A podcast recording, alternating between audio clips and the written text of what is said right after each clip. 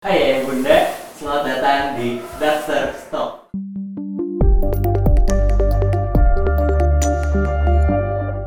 Ya, kali ini saya sudah bersama dengan Dokter Adit. Ya. Dokter Adit seorang spesialis dokter anak dan juga tumbuh kembang anak. Ya, mungkin dokter bisa perkenalan dulu. Ya, halo ayah bunda. Ketemu lagi eh, dengan saya Dr. Aditya Putra Pratama SPA MSC di Ayah Bunda Milenial ya. Nah, hari ini kita ngobrol-ngobrol nih kan. Rencananya yang mau kita topik bahas topik yang kita bahas hari ini masalah apa tuh tadi ya? Hiperaktif ya Mas. Anak aktif. anak Iya. aktif ya. Jadi eh, cukup menarik memang kalau kita diskusi tentang anak aktif Betul. ya.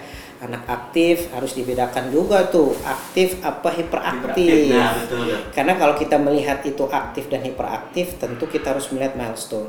Betul.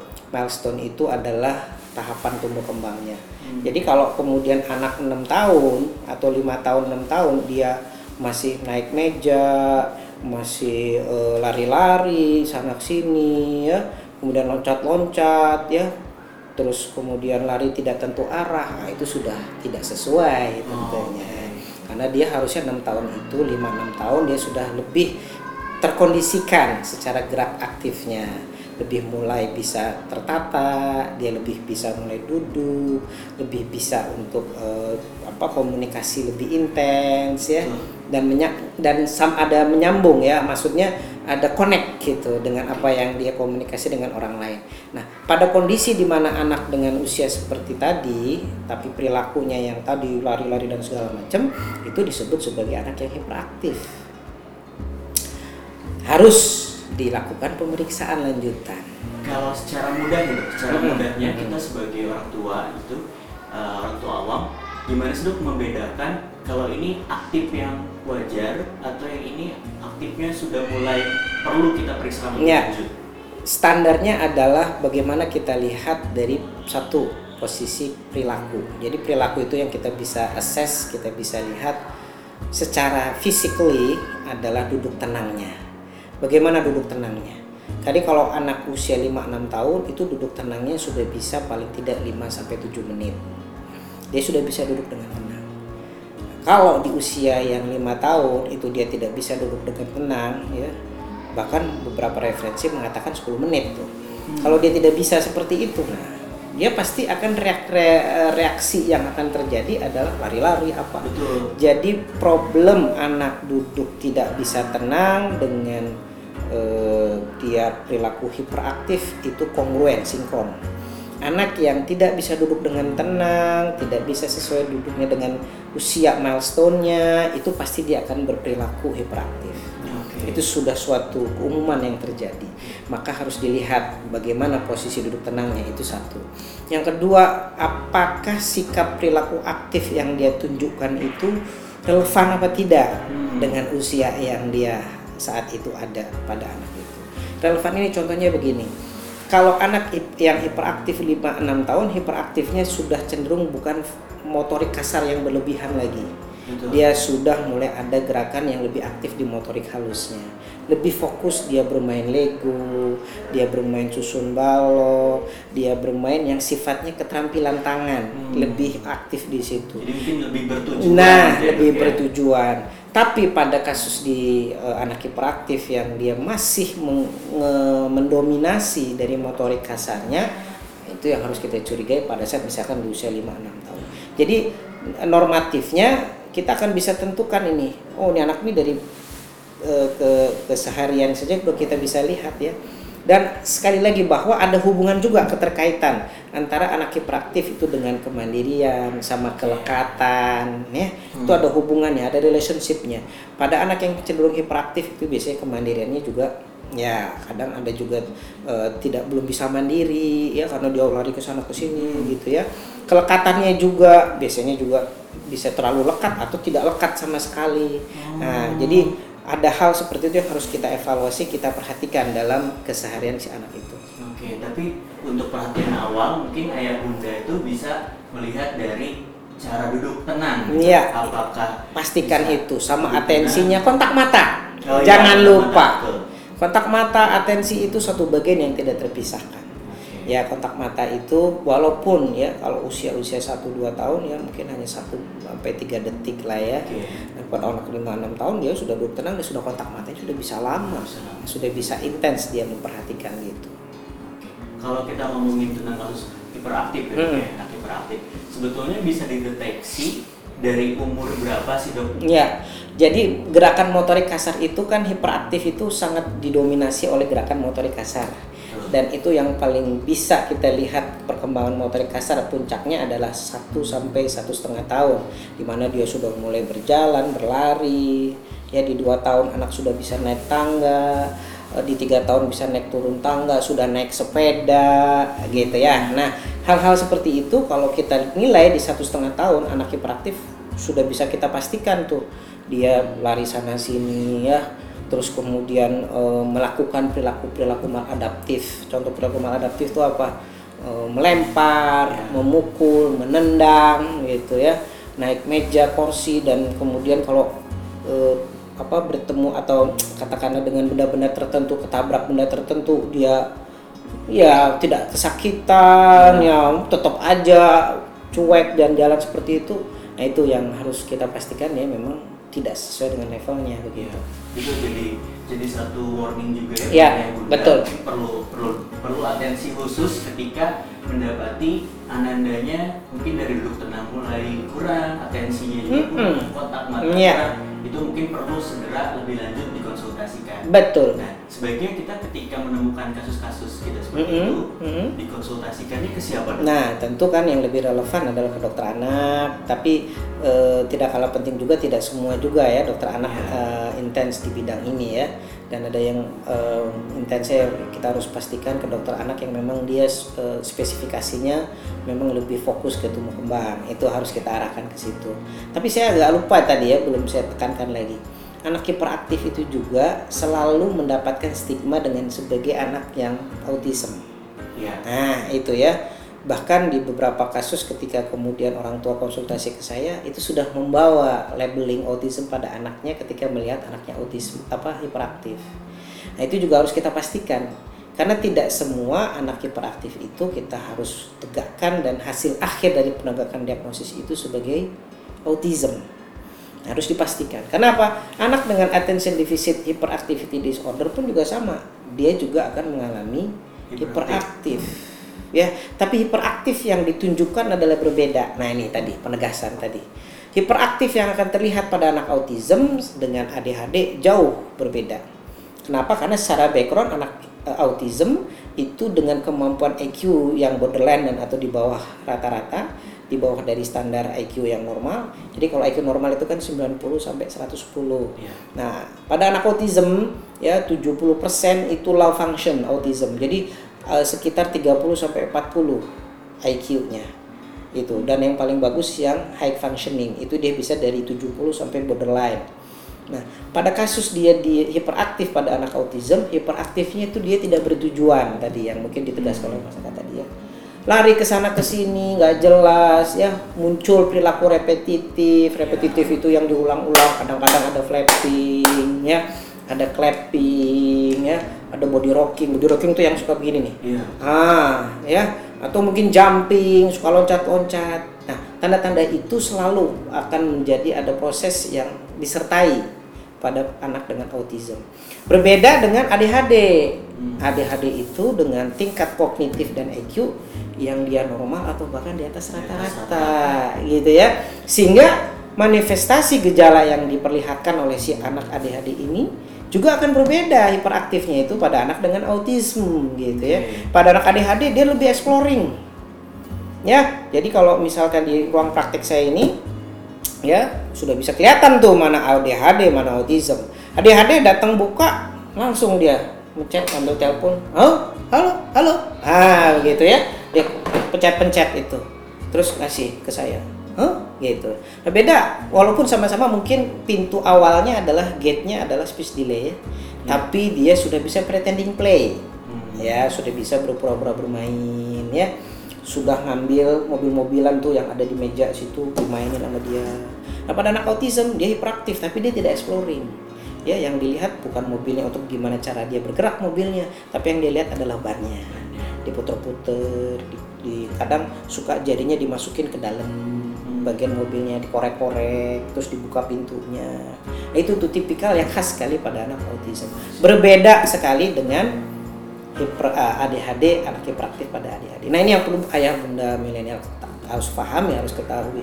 Supaya kita tidak kemudian segera melabeling ya Iya. dengan label yang salah. Kan itu konsekuensinya juga besar kali ya kalau Betul. ada yang harusnya memang di ADHD ya kemudian eh, ternyata dia ASD misalkan eh, itu kan jauh berbeda. Apalagi misalkan dia ASD ternyata ADHD bayangkan kalau kemudian anak dengan IQ yang bagus kognitif yang bagus ternyata di labeling oleh ASD apa yang terjadi?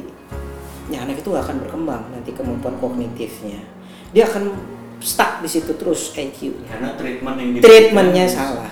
Dan itu yang saya perhatikan beberapa dalam eh, belakangan ini kalau kita perhatikan ada beberapa eh, penegakan diagnostik yang tidak tepat. Iya. Ya, itu yang juga kembali kepada si anaknya dan tentu keluarganya juga kali ya. Iya. dan skup besarnya pada negara kita gitu. Betul, betul. Jadi jangan lupa nih ya bunda, ketika kita menemukan sesuatu yang mungkin dirasa berbeda, itu sebaiknya kita mendatangi eh, dokter anak yang spesialisasinya Ya. tumbuh kembang anak. Ya. Jangan sampai kita self diagnose ya. Iya, Karena self-diagnose. Sering, kali kita self diagnose, Benar. terus labeling. Iya. "Wah, saya kayaknya gini deh. Dengan Hmm. modal misalnya buka buka Google buka Google referensi bahaya banget ya Jadi, padahal itu sebaiknya segera segera harus. Dan repotnya lagi kadang eh, fakultas kedokteran Google University itu. Google nah University ya, ya. semuanya masuknya ke Google dan itu jadikan bahan referensi. Iya. ya ini saya baca di Google dok begini. Tapi saya yakin anak saya begitu. Waduh Iya. mantap tuh. Jadi seakan-akan apa yang dia baca dalam 10-15 menit itu jadi acuan dan itu kadang-kala jadi argumentasi untuk membantah dokternya yang sudah kuliah 10-15 tahun Dan, Gitu. eh, kalau kita ngomongin eh, ADHD, Mm. dan tadi kan disebutkan oleh dokter eh, bahwa dia punya kecenderungan IQ-nya normal atau bahkan Di atas rata-rata, betul. cerdas superior, Ya. kan, dok ya. Mm-mm. Nah, itu sebetulnya pertanda baikkah atau pertanda buruk? Nah, gini ya. Barusan kemarin saya ada melakukan tes IQ nih dengan Griffith. Itu anaknya gifted, IQ yang keluarnya 131. Ya, anak perempuan usia 3 tahun 5 bulan. Sudah ceriwis banget, sudah eh, bisa eh, membaca di usia tiga setengah tahun itu dengan lengkap satu kali satu kata utuh. Dan itu hanya diba- di- di- diperlihatkan sekilas gitu. Jadi artinya semua baik IQ yang superior itu kan istilahnya superior ya? Betul. atau IQ yang borderline di bawah rata-rata itu semua pasti ada problem. Dan hampir sebagian besar 80% itu pasti perilaku problemnya seperti kalau tadi saya kita saya sampaikan di low functioning ya 70-80% itu pasti problem perilaku. Repetitive stereotyping ya ya humming ya hmm, ya selalu begitu. Ekolalia. Udah makan? Udah makan? Sudah bobo? Udah bobo? Nah, begitu. Mengulang lagi. mengulang-ulang lagi. Nah, begitu pula pada anak dengan gifted. 80% tuh problemnya perilaku ya 20% itu kayak Prof Habibie almarhum yang bager, fokus, konsentrasi kalau bicara runtut, sistematik ya selebihnya problemnya perilaku Itu hanya semua 20%. hanya 20%. Jadi baga- bayangkan kalau kita punya anak gifted 3 apa 4 saja ya. Jangankan 3 atau 4, bayangkan satu kelas anak gifted itu satu saja. Itu dia bisa tuh problem perilaku itu menginterupsi apa yang gurunya ajarkan. Bu guru salah tuh. Ya, ini saya baca nih Bu guru nih, bukunya ada begini. Bayangkan guru dari sisi usia jauh lebih lebih tua yang harus kita hormati tiba-tiba dia maju ke depan nyala-nyalain gurunya malah ngajarin nih lo teman-teman aku udah tahu nih jawabannya nih bu guru salah tuh itulah problem perilaku. Jadinya bahasa pragmatisme yang biasanya sering terganggu. Sop- kesopan santunan ke apa namanya ke apa dari sisi gaya bicara tekstur selalu merasa hebat dan segala macam. Nah itu, itu problem juga ya. Iya. dan hampir sebagian besar sama seperti kasus dengan anak dengan low functioning yang 80% tadi perilaku, begitu pula 80% gifted perilaku itu juga sama-sama akan bisa menggerus IQ-nya.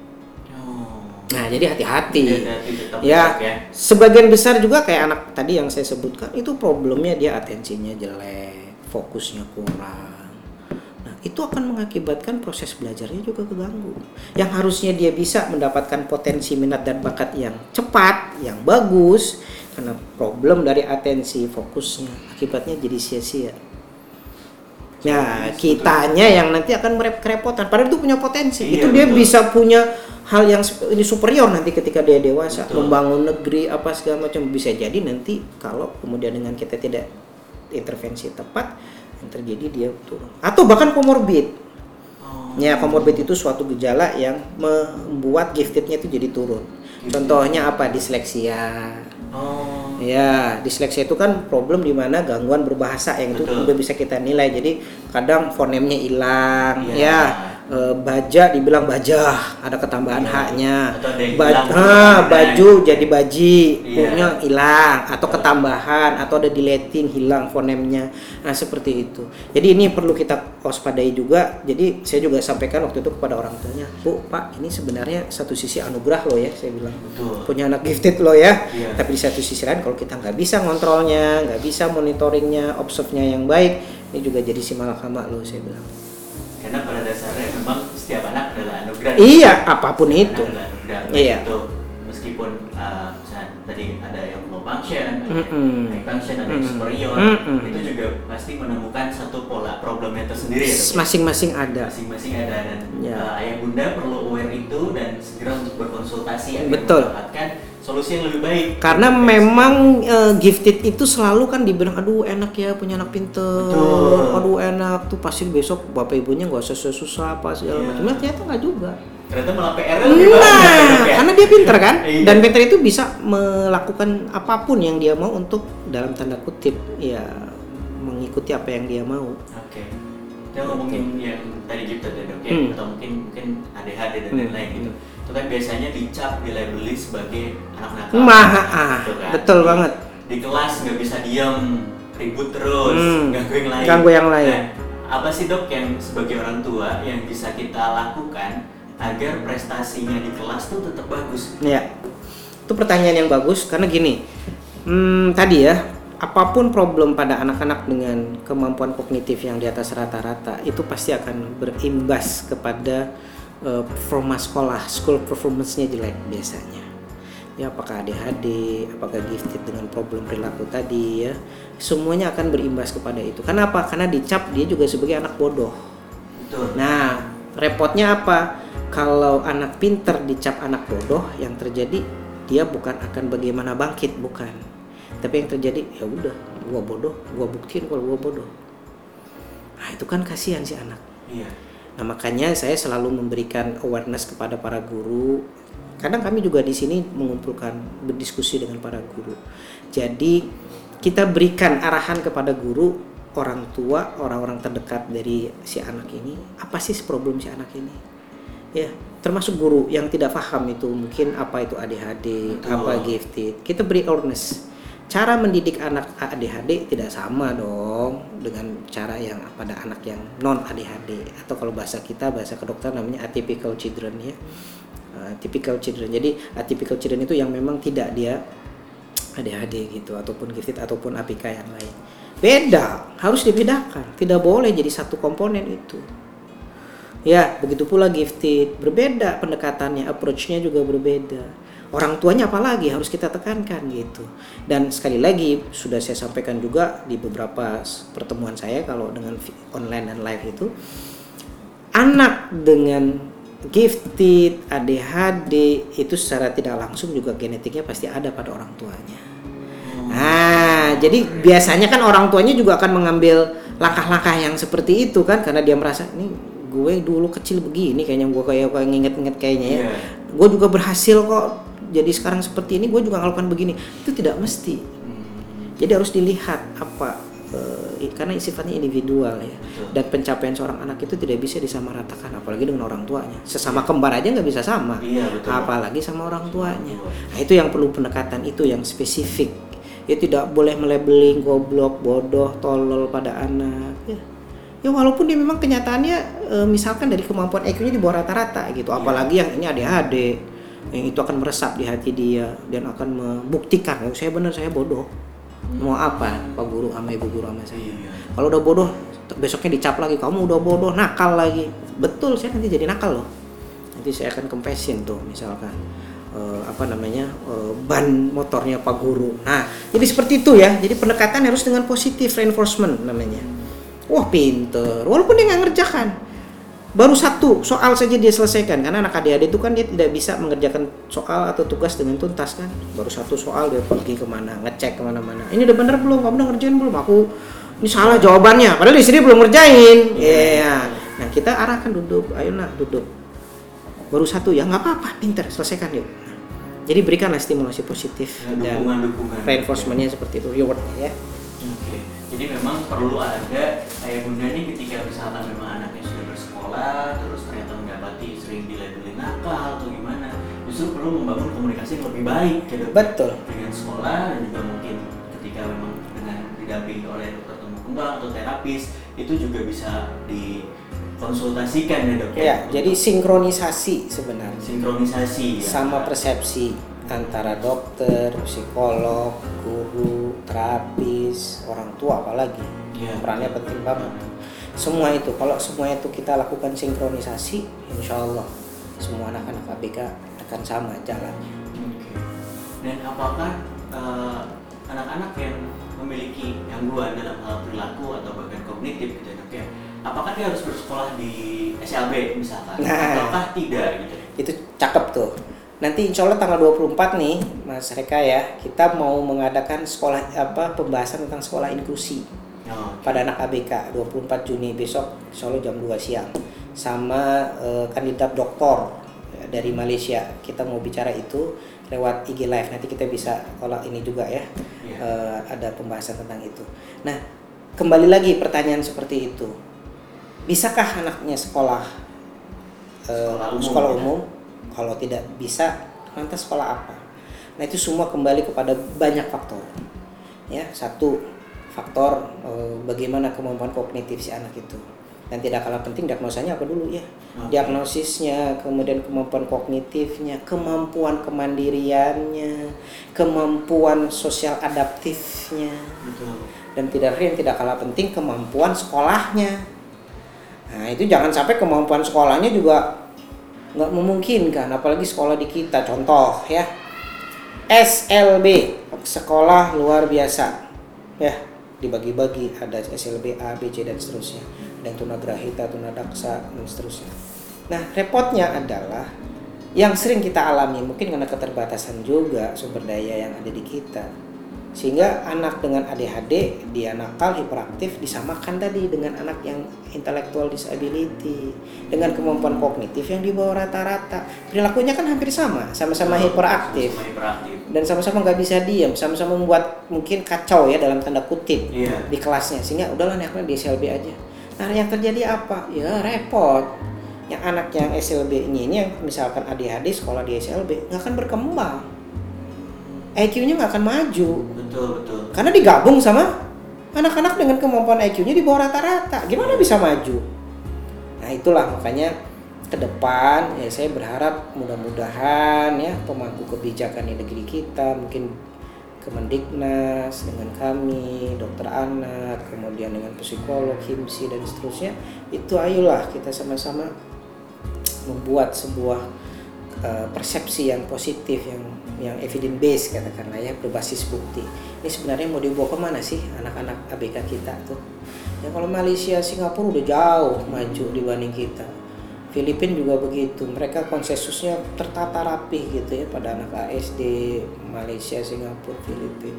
Bahkan mereka punya yang namanya Child Development Center tuh yang bagus banget gitu. Iya. yang kita sendiri masih belum ya belum ada Karena kayak yang tadi dokter bahas ya sebenarnya meskipun dia memiliki IQ yang superior, tentunya butuh treatment yang superior juga ya dok ya. Banget. Gitu. dan saya kira juga jangan sampai tadi ya potensi itu terus hilang ya akhirnya anak ini nggak ada bakat dan min- Iya. potensi minat bakatnya inilah yang kemudian WHO bilang sebagai loss of generation Ya.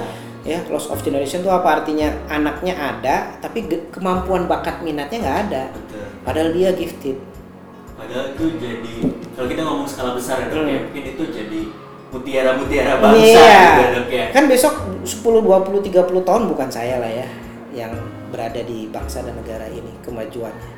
Pada anak-anak kita yang pegang sekarang. Betul. Nah, bayangkan kalau kemudian kita salah intervensi, salah diagnosis terutama ya, penegakan diagnostiknya, salah intervensi, Iya. apa yang terjadi? Nggak akan maju bangsa kita. Betul. Sustain development goals-nya nggak akan tercapai. Ya apalagi sekarang dengan pandemi begini. Ya mau dibawa ke mana bangsa kita? Itu semua ada di kita dan anak-anak kita yang kita pegang sekarang.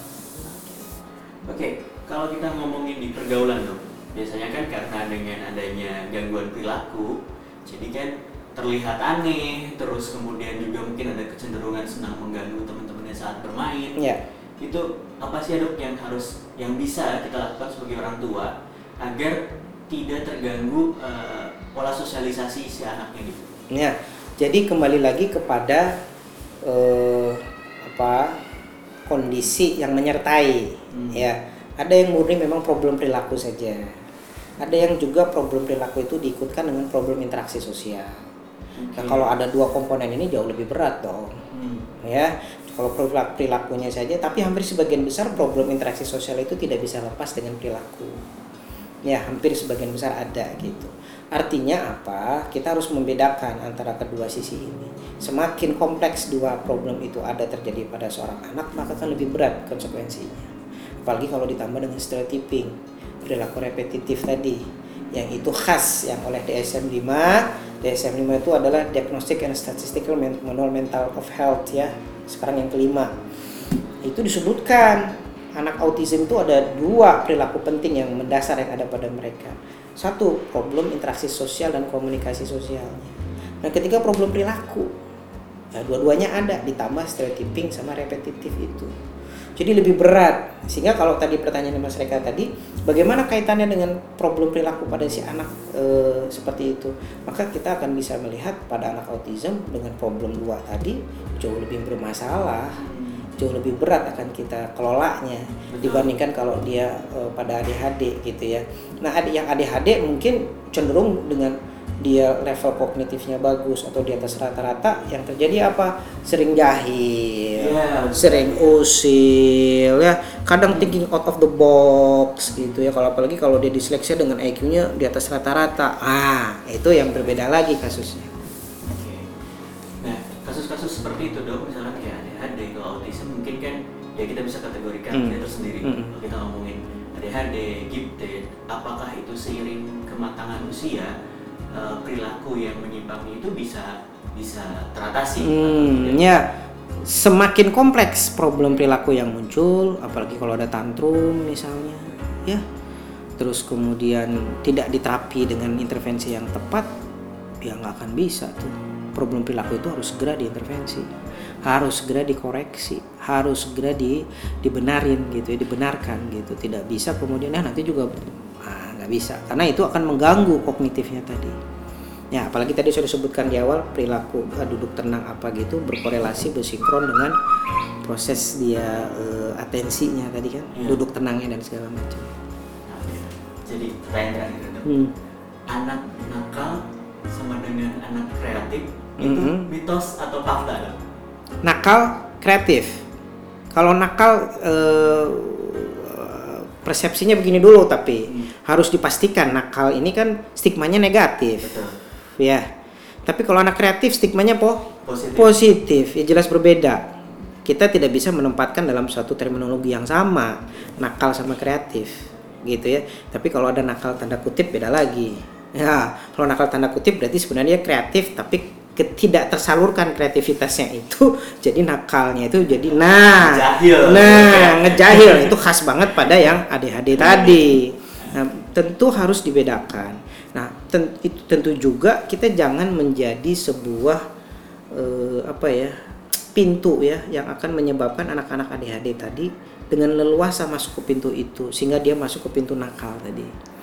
Ya 65% anak ADHD tidak diterapi itu dia akan menjadi drugs consumption ya Hmm. Eh, eh, dia eh, konsumsi narkoba lah eh, apa suntik sana suntik sini free sex dan seterusnya ya masuk dalam dunia kriminalitas gitu dan itu akan real terjadi bila mana ADHD itu tidak dikoreksi anak, apa daya keingintahuannya lebih ya besar. yang tidak bisa kita pungkiri adalah ada salah satu gejala ADHD namanya impulsivitas Oke. Iya, suatu keinginan yang terstruktur, tertata harus dia kerjakan dan harus terjadi saat itu. Nah, itu yang berat. Impulsivitas inilah yang harus dikoreksi. Ya, bayangkan kalau kemudian impulsif, gua pengen nabok, nabok aja, nabok deh. Ya, padahal nggak ada alasan yang jelas, tapi itu Iya. terjadi karena memang Dorongan. Nah, Oke. dorongannya itu itulah yang disebut impulsif Impulsif. gue pengen nabok nabok gue pengen nendang nendang nah gitu ya gue pengen jorokin jorokin Nah, bayangkan kalau si anak itu berkembang sampai dewasa seperti itu nah yang lebih repot lagi bentuk impulsivitas itu tidak dalam bentuk fisik tapi dalam bentuk Pikiran. pikiran makanya nggak kita kita nggak nggak aneh kan kalau orang-orang ADHD pinter dia Hmm. menyiasati gimana bisa korupsi iya kan Iya. menyiasati gimana uang yang sudah eh, dalam bentuk rupiah karena terlalu besar diko- dikonversi dalam bentuk Singapura apa Amerika dolar Singapura Amerika dengan jumlah yang lebih kecil supaya lolos itu kan bentuk-bentuk pemilihan impulsivitas yang ada Akal, pada- ya. nah akal. pada anak ADHD akal dari tanda kutipnya ini kalau kutip ini tanda kutip jelek gitu ya Oke, Dokter Adit. ya eh, sami-sami ada Pesan untuk ayah bunda terkait Ya. dengan tumbuh kembang anak. ayah bunda milenial eh, intinya apa yang saya tekankan kepada stressing kepada ayah bunda adalah perkembangan anak kita tuh unik Oke, sangat unik dan sangat berbeda walaupun itu kembar jadi apa pun yang ayah bunda temukan pada anak-anak ayah bunda yang itu merisaukan membuat galau ya atau mungkin bahasa sekarang membuat baper. Ya bawa perasaan pada uh, buah hati ayah bunda milenial sekalian periksa. Ya pastikan bagaimana perkembangan anak ayah apa putra putri ayah bunda sekalian itu apakah sudah pada tracknya apa tidak. Karena itu tadi ya tidak ternyata tidak segampang itu pula aktif dan hiperaktif itu bisa diselesaikan dengan sebuah eh, labeling saja. Perlu harus pemeriksaan perlu harus asesmen yang baik dan jelas supaya tidak salah dalam diagnosis dan tidak salah juga dalam intervensi Oke. Terima kasih Dokter Adit Ya. waktunya sudah sama-sama berbagi kita. ketemu lagi insya Allah ya Siap, ya, ya. dokter. Oke. Uh, uh. Bunda milenial sekalian, acara ini bisa berlangsung berkat kerjasama dengan Yomio Child Development Center dan Jagoan Hitan.